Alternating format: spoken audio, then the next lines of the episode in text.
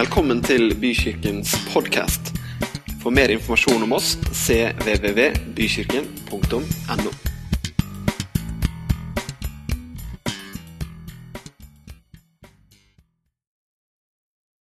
Kjempebra. Tusen takk for at jeg fikk lov til å komme. Eh, Jeg syns det er mange nye ansikter her. Eh, Jeg vet ikke Er det noen som aldri har sett meg før? Ikke fordi det er så veldig viktig om du har sett meg før eller ei, men eh, ja, det er noen stykker, skjønner du. Så eh, Ja, nå kommer jeg altså helt fra Danmark og hit, og nå skal jeg få lov til å si noen ting. Og eh, det er jo han eh, Jeg har hørt om en dansk predikant som sleit litt med at folk sånn ti minutter inn i prekenen begynte å se litt sånn innkapsla ut. Og begynte å se litt sånn trøtte ut, og etter hvert så begynte liksom hodet sånn å henge litt mer og mer. Og han tenkte hva er det jeg skal gjøre for å liksom fange interessen? Så han eh, tenker jeg må lage en plan. Så han fant på noe lurt. Så neste gang han stelte seg opp foran forsamlingen, så kom det sånn ti minutter inn i prekenen, og så begynner liksom hodene hengende litt. Så sier han Jeg har noe jeg må bekjenne. Jeg har vært i en annen kvinnes favn. Og plutselig så våkner folk opp. Hva, hva, skal, jeg si? Hva skal han nå si? Så sier han, og i dag vil jeg fortelle hvem det er. Og da ble det inter interessen enda større. Og så sier han, og det er min mor.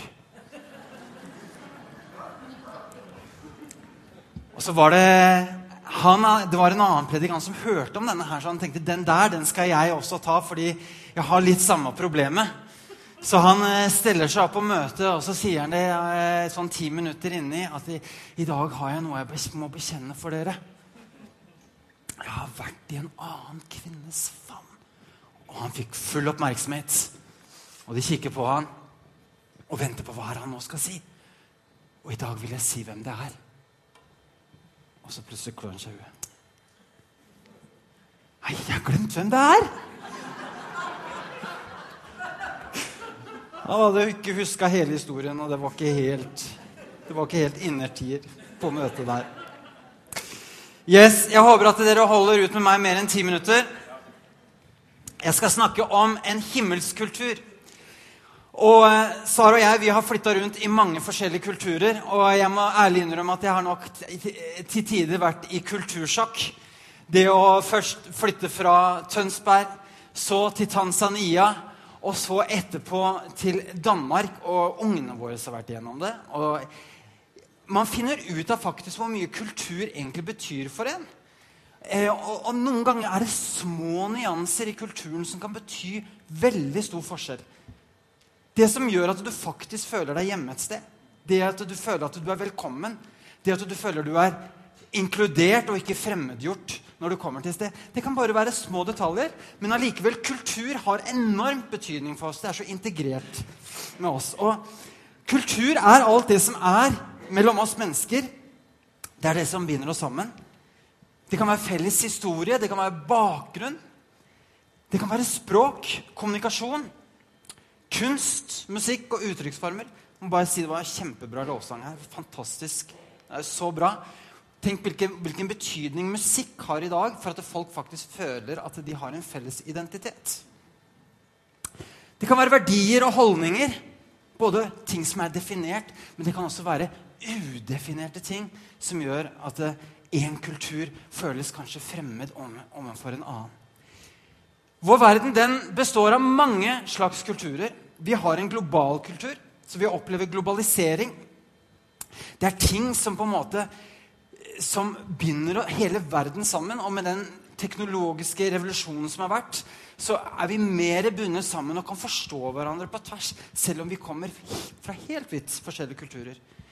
Vi har også europeisk kultur, vestlig kultur. Vi har afrikansk kultur, asiatisk kultur. Der er det mange forskjellige slags eh, forskjelligheter. Vi har også en nasjonal kultur, og i Norge så er vi Jeg har ofte sagt det når jeg har vært ute og reist. Jeg er en norsk nordmann fra Norge. Og, og det norske flagget, det, det er så pent! Jeg kan ikke forestille meg noe finere flagg enn det norske flagget. Og det er faktisk et kors i det flagget, har jeg ofte sagt. Og det er rødt for Jesu blod. Og det er hvitt, som det, du vet, man blir ren. Og, og det, det, er blått, og det står for himmelen. du vet. Det er ikke en måte på som man kjenner at det er norske flagget. Det er, det er mest det mest kristne flagget i verden. Og jeg er så glad for å være nordmann, og det er jeg også når jeg er i Danmark, faktisk. Det har de merka. Men til og med en by har også en kultur. Det er også faktisk en kultur i Tønsberg. Reiser du en tur til Sandefjord, så finner du faktisk en litt annen kultur. Noen de kan reise fra Sandefjord til, til, til, til Tønsberg og føle at det, Eller fra, kanskje mer fra Tønsberg til Sandefjord og føle at det, her, det, det her var merkelig. Her, her kommer jeg liksom ikke inn. Jeg kan ikke bli en del av den byen her. De menneskene her de, er liksom, de går rundt med Gucci-vesker alle sammen. og Hvordan skal jeg passe inn her? liksom? Det, er, det, er, mange sånne forskjeller som gjør at det, det, virker merkelig, selv om vi er egentlig bare rett over gata. liksom. Men sånn er det også på menighet. vet du. Det fins mange menigheter, kirker, også i Tønsberg. Det kan godt være at du er her fordi at her føler du deg hjemme. Her er det et eller annet som gjør at du bare føler deg hjemme. Det er en kultur her som du tenker Wow! Men det er, ikke, det er ikke nødvendigvis fordi at budskapet er annerledes. Går du i en annen kirke, så kanskje det er andre faktorer som gjør at du kanskje ikke føler deg så hjemme der. Eller så kan det faktisk godt være at du sitter her i dag og kjenner fortsatt litt på det er et eller annet her som jeg gjør at jeg ikke føler meg helt hjemme her ennå. Jeg kan ikke helt kanskje, kanskje definere det. Men det er veldig rart, dette med kultur. Hvordan det kan gjøre at vi føler oss hjemme eller fremmedgjort. Og vi søker alle et hjem. Vi søker alle en kultur hvor vi kjenner at vi slapper av, og hvor vi kan få lov til å, å, å senke skuldrene og bare være en del. Jeg har tenkt mye på dette her med kultur og kirke, fordi det, det, er så rart med at vi ofte kan liksom kjenne på det her at det, vi er jo bare en sånn der liten gruppe. Jeg husker når jeg reiste til Danmark. Da var jeg 20 år. Og kom ned til Fredrikshavn. Og det er en sånn forblåst by øst, i Øst-Nord-Irland. Og der ble jeg ungdomsleder i en veldig veldig liten menighet. Den var Altså ja, ba, Klarte man å presse 35-40 mennesker inn i det der lille bygget med litt sånn rosa og hvitt og sånn, så, så, så, var man, så, var det liksom en bra søndag. Og liksom når man kom ut blant folk, så, så liksom, merka man at det, man var ikke helt sånn akseptert. Og liksom Ja, jeg kommer fra Elimkirken, liksom. Og fra pinsemenigheten. Det var liksom sånn Du følte det var en Det var en, en dal, altså, imellom byen Fredrikshavn og denne gruppa menigheten som var i Fredrikshavn. Og det føltes sånn, nesten sånn rart at du tenkte hvordan skal jeg nå ut til denne byen? og hvordan vil det være for dem å føle seg liksom komme inn her? Og, og, du vet, Den der distansen som man faktisk kan oppleve da, som kirke og by, den, den er egentlig veldig utfordrende. Og jeg er sikker på at mange av dere selv har følt det også her. Hvordan er det vi kan få lov til å liksom bygge den der broa? For dette når vi ser i Jesu liv, så opplever vi jo hvordan han faktisk han gikk rundt blant folk. Og menneskemengdene de bare hopa seg rundt ham. Han kunne ikke være i fred. Han måtte si nei, nå må dere dra vekk. Om natta der så måtte han, måtte han finne litt fred for seg sjøl, så han sendte disiplene ut på vannet. Så kom han gående på vannet senere, fordi da kunne han få noe ro og stillhet til å være innenfor Gud og slappe av. For det var så trøkk på. Så det var, på en eller annen måte så klarte Jesus Han var relevant. Han var, han var i samfunnet, og han var et trekkplaster for folk rundt seg. Og, og, man kan tenke hva er det som gjør at det, Jesus han klarte å liksom, Den derre kløfta var vekk. Jeg sa til meg sjøl at når jeg var i, eh, når jeg var i, Nord-Jylland da for 24 år siden. Jeg skal aldri bli pastor i Nord-Jylland.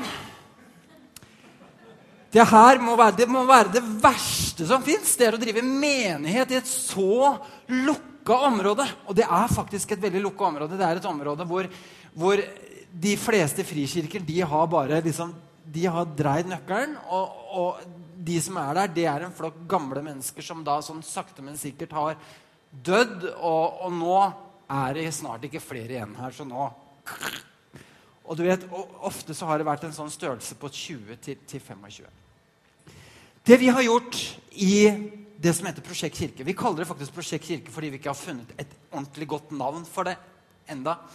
Eh, og fordi at vi egentlig ønsker å være i bevegelse. Det er at vi har og Det er den kirka som jeg er med i nå, i Gjøring. Det er også i Nord-Jylland. Eh, da har vi snakka mye om kultur. Hva er det som egentlig gjør at folk føler en distanse hvis de kommer inn hos oss? Så vi har gått i det skrittet at vi har sagt at eh, ja, men når vi har invitert folk som kommer helt utfra, rå, rå hedninger, sagt nå skal dere faktisk komme inn så skal dere evaluere denne gudstjenesten. Nå vil vi stille dere noen spørsmål. Hva, hva, hvordan opplevde dere det å være her? Hva var det som egentlig virket fremmedgjørende på deg, f.eks.? Har, har vi spurt. Eh, hva syns du var bra? Hva syns du var mindre bra? Og så har vi begynt å tenke på hvordan kan vi kommunisere på en måte som gjør at folk kjenner at dette her det er ikke så fremmed. Det er faktisk Det, det taler til meg. Eh, og så har vi tenkt at det, vi er ikke kirke for for en flokk kristne som bare kommer liksom på et møte for å ha det bra. Vi er faktisk kirke for byen. Jeg syns det er så fantastisk navn vi har her i Bykirken. Dette er Kirken for byen. Og så har vi tenkt sånn at eh, jeg tror faktisk ikke at folk er ikke så langt fra Gud. Folk er egentlig veldig åpne for tro. Folk vil gjerne lære mer om tro. Fordi folk kjenner at det er faktisk et, det er et vakuum. Det er, det er, en tomhet. Det er noe som ikke vårt samfunn klarer å gi, som faktisk som Gud har. Men det er klart at hvis vi med en gang ser på mennesker og tenker at det, ja, men de er langt vekk de, eh, de, er langt fra Gud, og det er oss, og det er dem og, og, de er kanskje ikke så interessert i det vi holder med. Så det er klart, da har vi allerede vært med å skape den kløfta. Vi har gjort det vanskeligere for dem å komme tett på oss. Og vi har da på en måte gått i en sånn isolasjonsmodus som kan være veldig skadelig for Kirken. Men hvis vi begynner å tro at det, wow, Gud er tett på deg Jeg tror faktisk du har noe tro i hjertet ditt òg, jeg. Ja og, og, og, du er egentlig interessert i evangeliet, så vil man fjerne noe av den distansen, og man vil ha mye lettere for å gå inn i en dialog. Så vi har prøvd å gjøre det her så godt vi kan. Og har opplevd å få en inngang i byen som er helt unik. Over tid så har vi invitert folk utenfra. Vi har prøvd å lage arrangementer som, som folk i byen tenner på. Vi har ikke gjort noe med budskapet. Vi har ikke forandra på evangeliet. Vi har ikke nedtona det eller utvanna det eller noe som helst. Vi snakker akkurat om de samme tingene, men vi snakker kanskje det på en, på en måte som gjør at folk forstår det. At ikke vi skal forklare masse ekstra for at de skal forstå det vi sier, eller at de etterpå må stille masse spørsmål fordi at vi har, gjort, har endra litt på måten vi har kommunisert på. Og, og det har gjort at mange opplever når de kommer i Prosjekt kirke, så opplever de at det her kan jeg faktisk forstå hva som skjer. De snakker ikke kun til de kristne som er der, men de snakker til meg. Og eh, tenk dere denne situasjonen. Jeg står og taler kanskje for 20-40 stykker for 24 år siden i Fredrikshamn i Nord-Jylland. Denne jula her så sto jeg og talte for 750 mennesker på julegudstjenesten. Og det var mesteparten av folk utenfra. Mange av de her menneskene de møter vi rundt på sånn senere. Så sier de ja, så sier Sara har også møtt i forhold til sin studie. Jeg har møtt på flere som har sagt liksom, ja, men jeg går i Prosjekt Kirke. Men Sara har sagt jeg har ikke sett deg i Prosjekt Kirke. Men, men, men liksom, ja, fordi de har vært der på en julegudstjeneste, og de tenker dette her er min kirke. Det er første skritt. Så har vi opplevd at vi har kommet i dialog med folk. Men vi har tenkt veldig mye på hva er en nordjyde? Hva er en tønsbergenser? Hva er, hva er de kulturelle kjennetrekka ved en tønsbergenser som gjør at en tønsbergenser han ikke kjenner seg fremmedgjort når han kommer i kirke? Det er et veldig spennende spørsmål, og det er noe vi har begynt å jobbe med. Eh, vi har også opplevd at vi har fått en utrolig favør både i næringsliv og, i, og blant politikere. Og for ikke så lenge siden så spurte vi om ikke vi kunne få lov til å få et bygg som heter Frysehuset. Det er en gammel remiss. Det er der hvor togene de kommer inn eh, i føretida for å bli pussa opp og gjort klar til å liksom, eh, til, til driftes og serviseres. Det er svært kult bygg. Det er rått. Det er, eh, og, og vi har hatt en sånn visjon om at dette stedet det kunne vi tenkt å forvandle til å bli en gave til byen. Vi har ikke lyst til å bare være en kirke for oss selv, men vi har lyst å være en kirke for byen. Og jeg syns dere har gjort det allerede. Dere har begynt å skape dette med kulturskolen. Det har vært en fantastisk, en fantastisk god strategi. Så i det her frysehuset så har vi hatt drøm om å, å, å starte street food, skatesenter, eh, bedriftsoppstart eh, for nye bedrifter. Eh, møtesal for konserter osv. Som blir det aller største i Nord-Jylland. Altså I Benshuset, vil jeg bare si. Ikke det Nord-Jylland er også Aalborg. Men i hvert fall nord for Limfjorden, som det heter. Eh, og vi ønsker å skape et miljø hvor de unge har lyst til å bo. Vil si at Istedenfor at de unge de drar av sted fra Gjøring når, når, de blir, eh, når de skal studere og aldri kommer tilbake, så ønsker vi at dette stedet skal være med og, og, og gi dem et, et, sted. Og på den måten gi noe til byen. Så vi gikk i dialog med kommunen her, og det var bare her nå for to-tre år, to, år siden. Og vi ba dem å gi, og gi, og dette her skulle da komme opp på et eh, styremøte for kommunepolitikerne.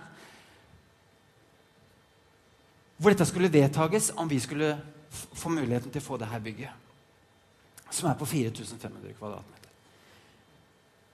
Og så sier vi til dem nå skal dere spørre de som, kommer, som er der, er vi en sekt. Er Prosjektkirke en sekt? Det er viktig for oss at dere spør. Og når, Så spurte han eh, hva heter han for noe? Han borgmesteren. Ja, vi, de vil gjerne at vi spør dere om er Prosjekt Kirke en sekt. Og én etter én så reiser den ene etter den andre seg opp og sier nei, de er ikke en sekt. Vi har vært der, vi har vært på møte. Dette er fine folk. Og til, også til sist så var alle sammen hadde gitt håndslag på at det, Prosjekt Kirke var ikke en sånn merkelig menighet eller en sekt. Men det var, det var en kirke som de følte seg hjemme i. Og så sa de, så ga de high five. Dette er bra! Så fikk vi da dette bygget på Som da blir 4500 kvadrat når vi er ferdig med å lage det. For 500 000 kroner. Det er et bygg som har vært over 20 millioner. 25 millioner ca. Der omkring. Det å stå da, gå fra det punktet hvor du da står og føler at det er bare den megakløften mellom byen og kirke, til å komme dit hen hvor faktisk politikerne og næringslivet de støtter opp om kirken. De føler faktisk at de er en del av det. De er litt stolte liksom å være på en måte eh, assosiert med det. Så dette her har jo til og med vært på TV. liksom, og Eh, vi hadde vårt fødselsdag nå her, hvor, hvor, borgmesteren var med og gratulerte oss. Eh, og hvor vi også var masse folk. Vi er ikke en sånn kjempestor menighet. Vi er 200 personer. Og vi er ca. dette her Ja, ca. så mange som dere her er på møte. Men vi har nådd inn i byen. Vi har fått en dialog. Og vi er en utrolig spennende prosess. Eh, og jeg tror av Gud at det kan la seg gjøre. Det sto om den første menigheten. De var velansett blant hele folket. Og Jeg har lyst til at vi skal bare lese et bibelvers som kommer opp her nå. Yes. Og Det er Paulus som skriver i 1. Korinterbrev 9, vers 19-22. Jeg er altså fri og uavhengig av alle mennesker. Jeg har likevel gjort meg til slave for alle, for at jeg kunne vinne så mange som mulig for Jesus Kristus. Når jeg er sammen med jødene, er jeg som en av dem, for at de skal begynne å tro på Kristus. Til tross for at jeg selv ikke lenger er nødt til å følge den jødiske loven, respekterer jeg alle bud i loven når jeg er sammen med jøderne. Ettersom jeg vil vinne dem for Kristus. Når jeg er sammen med folk som ikke er jøder, ettersom jeg vil vinne dem for Kristus. Lever jeg som dem for å vinne dem for Kristus. Dette betyr ikke at jeg ikke følger noen lov fra Gud. For jeg lyder den kjærlighetens lov som Kristus har gitt oss. Jeg syns dette er en veldig fin, veldig fin nyansering. Jo, jeg blir som dem. Jeg spiller med på deres kultur. Jeg spiller på med den måten som de kjenner er bra i forhold til å kommunisere. Jeg gjør de tinga som trigger dem. Men det er ikke det samme som at jeg nødvendigvis praktiserer de samme verdiene og, og liksom lever kanskje nøyaktig sånn som dem. Jeg holder jo meg til Guds lov! Når jeg er sammen med dem som ennå har svak tro på Kristus, unngår jeg å utnytte min frihet til å gjøre noe som kan lokke dem til å forlate troen. Jeg gjør alt for å identifisere meg med de mennesker jeg møter slik at jeg i det minste kan frelse noen.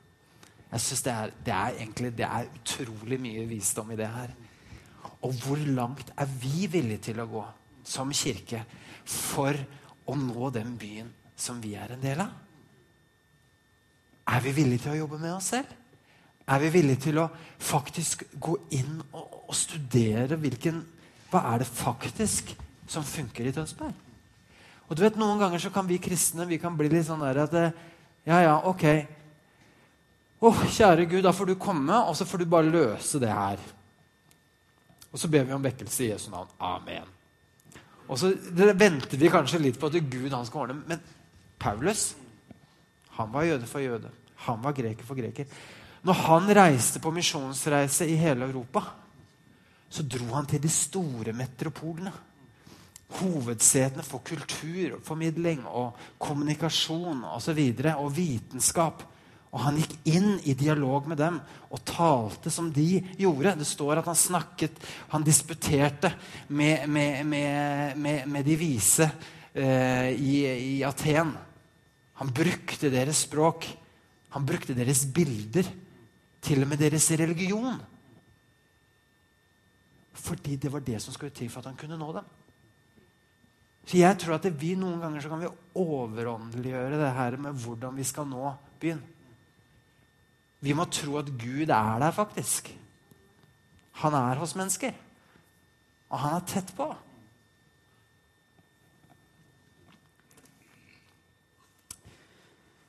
Jeg har kalt denne her, det her budskapet en himmelsk kultur. Fordi jeg, jeg tror også at det finnes en himmelsk kultur som gjør at vi er annerledes. Vi kan være en del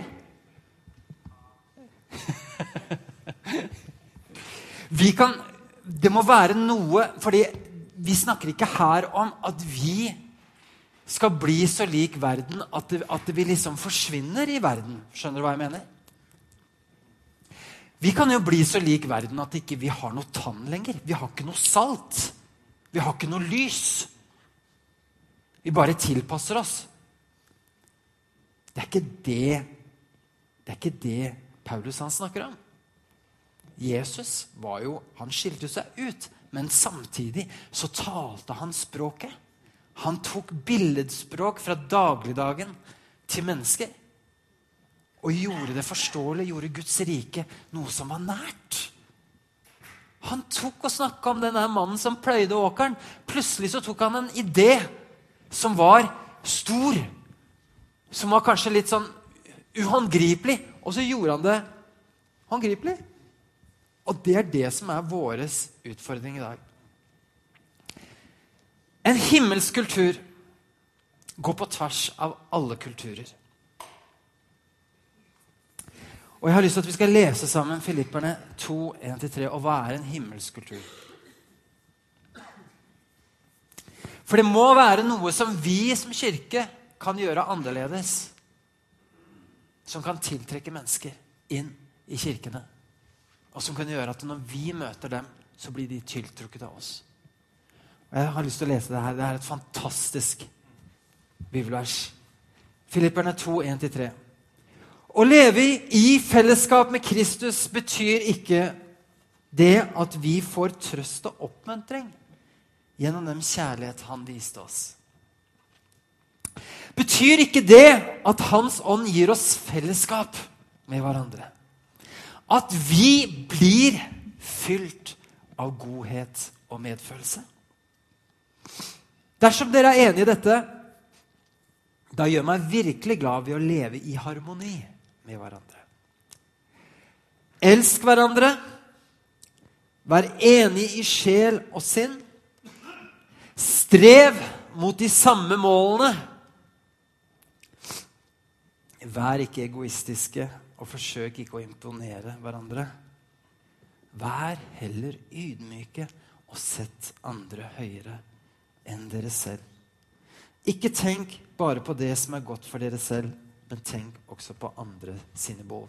Dette her er jo en sånn utrolig kondens. Her kunne vi lagd en møteserie over det neste året. Hva det her innan, Men dette her er himmelsk kultur. Dette er det vi kan være med å bringe inn i den verden vi står i. Det er det vi kan tilby Tønsberg. Dette er det som Tønsberg skal merke når de kommer i nærheten av oss. De skal se noen som lever i harmoni med hverandre, som har fellesskap. De skal oppleve godhet og medfølelse. De skal oppleve noen som er enige. Ikke nødvendigvis enige på den måten at det ikke går an å ha forskjelligheter. Men også det at vi står sammen, strever mot de samme målene.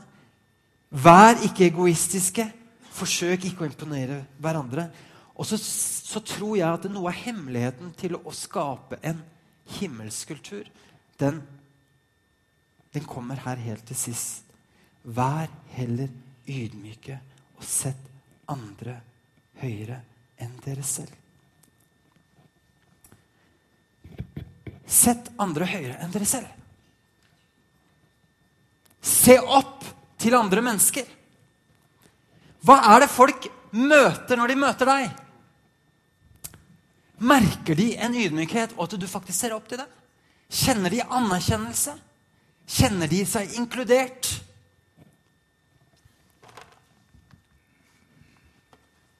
Vi skal lese fra 1. Mosebok 1, 27. Vi snakker om hvordan kan vi skape en himmelskultur som skiller seg ut fra kulturen i samfunnet, og som tiltrekker mennesker. Der står det og Gud skapte mennesket i sitt bilde. I Guds bilde skapte han det. Til mann og kvinne skapte han dem. Jeg talte til en flokk unge her eh, på fredag. Og så hørte jeg litt sånn, sånn i krukkene etterpå. Vet du hva? Jonas han ligner så på Stig. Jeg kunne bare se Jonas i Stig. Den måten han snakka på, den måten han bevegde seg på. Og Jonas er min, min sønn. Han er en sånn veldig følsom, snill gutt. Og eh, Jeg tror nok kanskje jeg var litt sånn følsom og snill på det der eh, ungdomsmøtet. da. Så de så jo han, de så også han i, i meg. eh, men sånn er det faktisk når vi ser et menneske. Så ser vi ikke bare et menneske, men vi ser faktisk Gud. Derfor står det at vi kan sette hverandre høyere enn oss selv. du vet, Vi i vårt samfunn vi, vi, vi, Alle skal være like. Det der med å sette andre høyere enn oss selv, det er litt sånn, er litt sånn mind-blowing. Men faktisk, det, når vi ser Jesus i det andre mennesket, når vi ser Gud i det andre mennesket, og begynner å verdsette et menneske, så setter vi det mennesket høyere enn oss selv. Vi ser opp til det mennesket. Og det er noe som jeg tror kan virkelig endre på vår relasjon med mennesker rundt oss og dynamikken. Og så kan du si det at ja, men ja, jeg ser opp til, eh, til, eh, til en veldig dyktig predikant eller en evangelist. Og jeg, jeg ser opp til en venn av meg som er veldig flink forretningsmann. Men hva med, hva med han derre han derre sleipingen som har havna i fengsel som, eh, som, Hvordan skal jeg se opp til han? Kan vi se opp til han? kan vi se Gud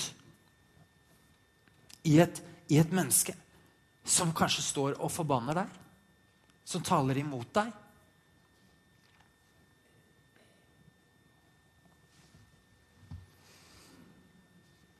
Jeg har lenge vært sånn at jeg har tenkt at dette her med kors Jeg, jeg vet ikke om du har vært i kirke hvor du, du har sett Jesus henge på et kors på katolske kirker og sånn.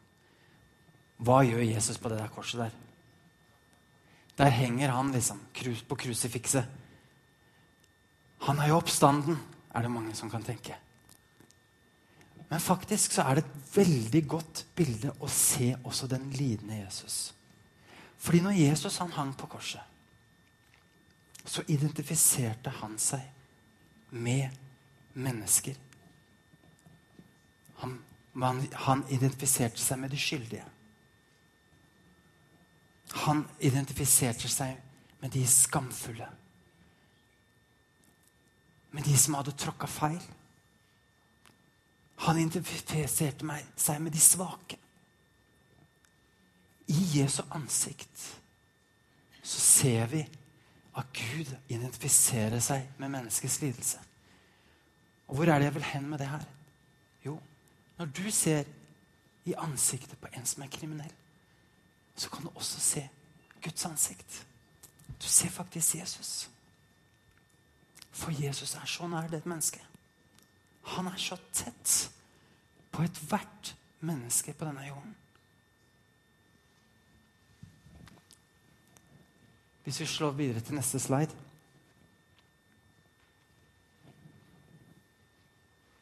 Det står der Dette her er en av moder Teresas favorittbibelvers.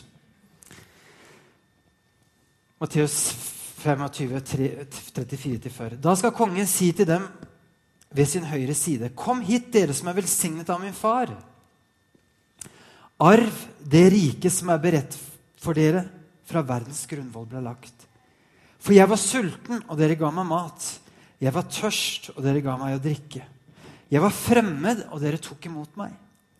Jeg var naken, og dere kledde meg. Jeg var syk, og dere så til meg. Jeg var i fengsel, og dere kom til meg. Da skal de rettferdige svare ham og si, Herre, når så vi deg sulten og ga deg mat, eller tørst og ga deg drikke?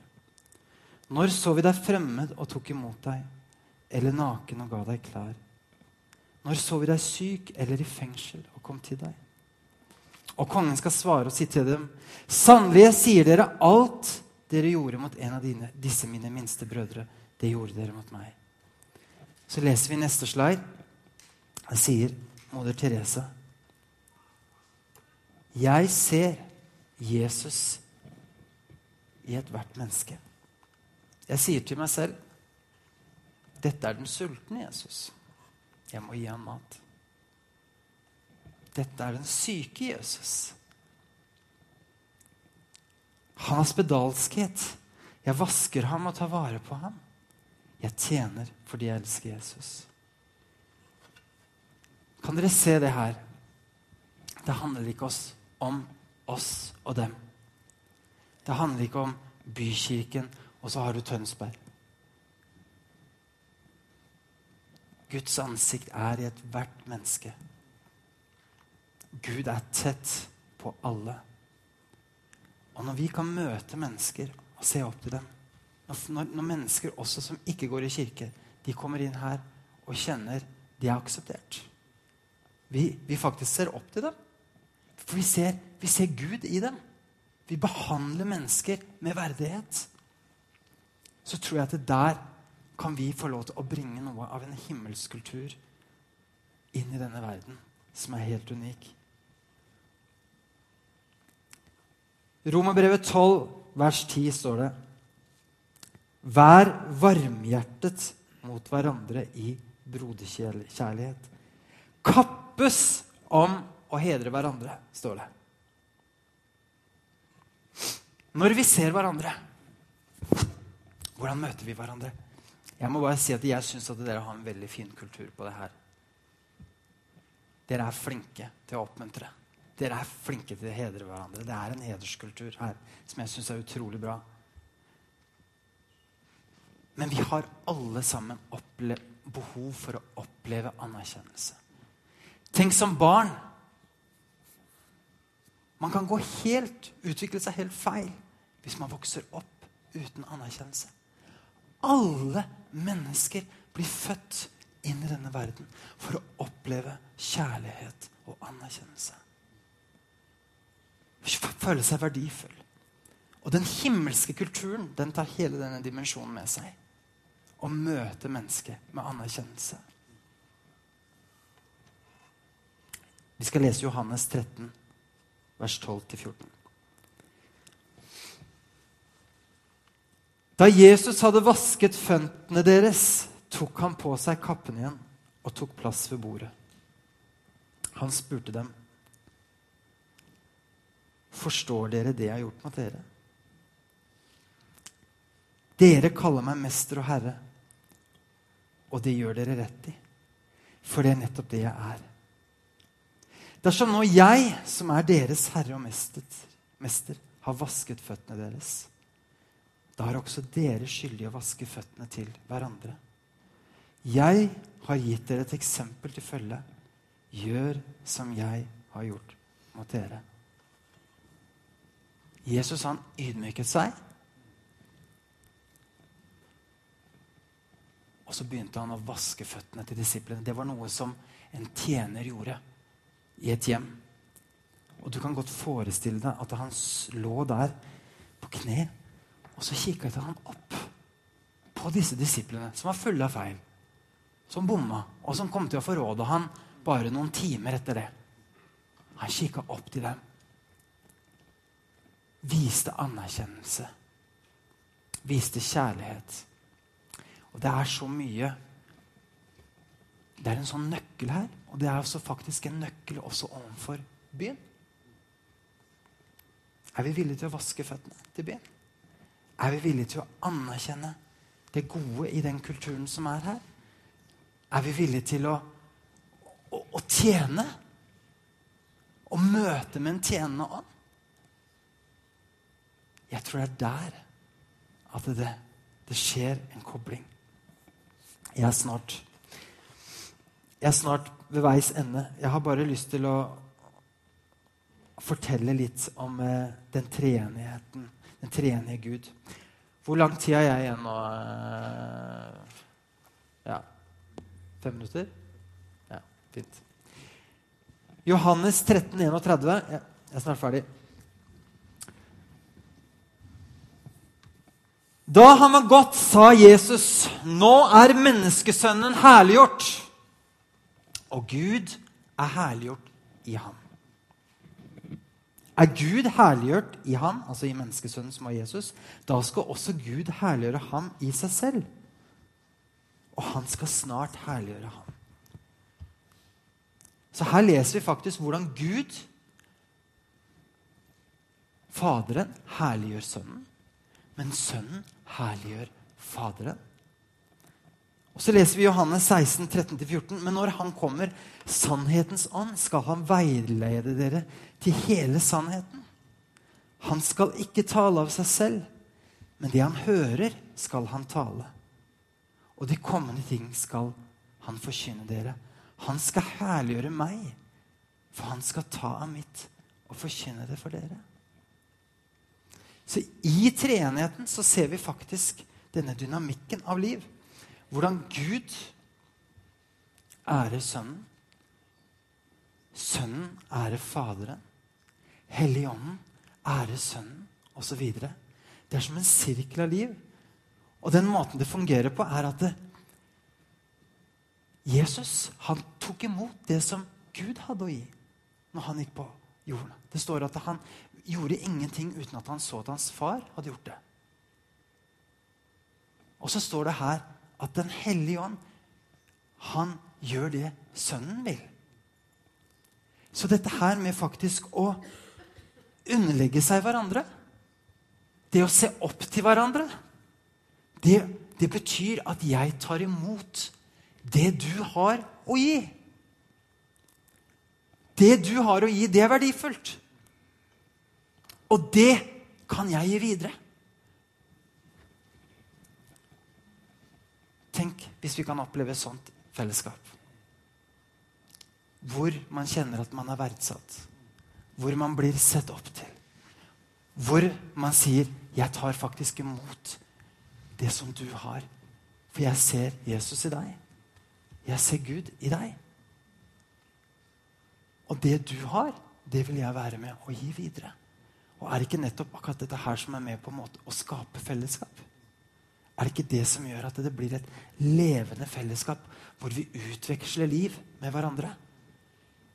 Hvis ikke vi opplever det, hvis ikke vi blir tatt imot, hvis ikke vi blir anerkjent, hvis det jeg har, ikke har, kan brukes liksom til noe, så er det akkurat som livet det stopper å flyte. Og da er det veldig kort vei ut den døra der. Så jeg tror at den himmelske kulturen den blir forløst når vi ydmyker oss. Vi ser behovet for hverandre. Vi anerkjenner hverandre. Vi ser Kristus i hverandre. Uansett om vi er perfekte eller ei, så er, bærer du og jeg Guds bilde. Og igjen uansett om du tror, ikke tror eller et eller annet sted midt imellom, så er Gud nær ved deg. Du har fått noe av Gud. Du er tett på Gud. Du har kanskje ikke åpna hjertet ditt helt for Han enda.